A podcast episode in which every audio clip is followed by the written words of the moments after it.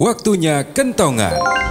Kebakaran hutan atau lahan dapat menyebabkan perubahan langsung atau tidak langsung terhadap ekosistem yang ada. Masyarakat di sekitar lahan dan hutan pun diharapkan ikut mengawasi dan menjaga lingkungan hutan dengan tidak melakukan aktivitas pembakaran lahan yang tidak bisa dikendalikan.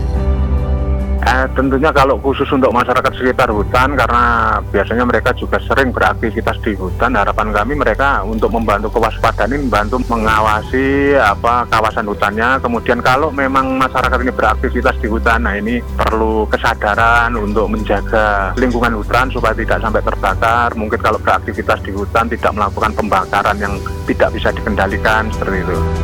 Dengan antisipasi dan penanganan yang tepat, mari kita jaga lahan dan hutan kita demi keberlangsungan fungsi fisik dan hayatinya. Pesan ini disampaikan oleh Radio Republik Indonesia.